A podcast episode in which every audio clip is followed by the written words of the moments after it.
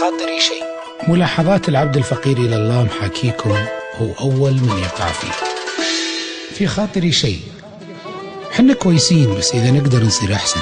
ليش لا؟ في خاطري شيء. حياكم الله. العبد الفقير إلى الله يؤمن بأن اللقافة أو الحشرية أو دس الأنوف فيما لا يعني. اللقافة هي سلوك الإنسان غير المتحضر.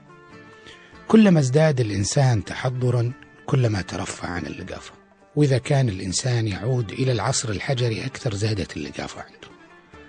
التحضر يخليك تمنع نفسك وتلجمها عن التدخل فيما لا يعنيك صحيح في قدر من المشترك الإنساني ممكن أنه يزيل الوحشة لما تجلس على سبيل المثال وأنت في كرسي انتظار في مؤسسة حكومية أو مؤسسة خاصة ويصير بجنبك شخص يراجع مثلك. تقدر تتكلم أنت وياه عن الجو أو عن الزحمة أو تعامل هالجهة مع الجمهور.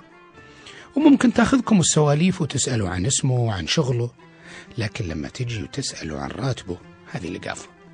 إذا تبغى تلطفها نعتبرها لقافة ولا تراها لقافة وقلة ذوق. في مجتمعنا على سبيل المثال لما تسأل شخص متزوج عندك عيال؟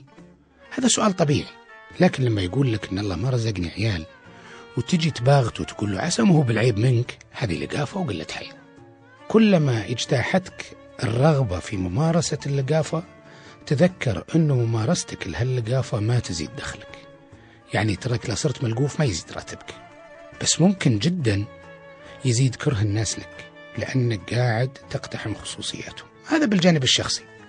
تعالوا خلونا نشوف اللقافة في الجانب العام ما في يا جماعة الخير شيء أسوأ من ممارسة اللقافة في حوادث السير.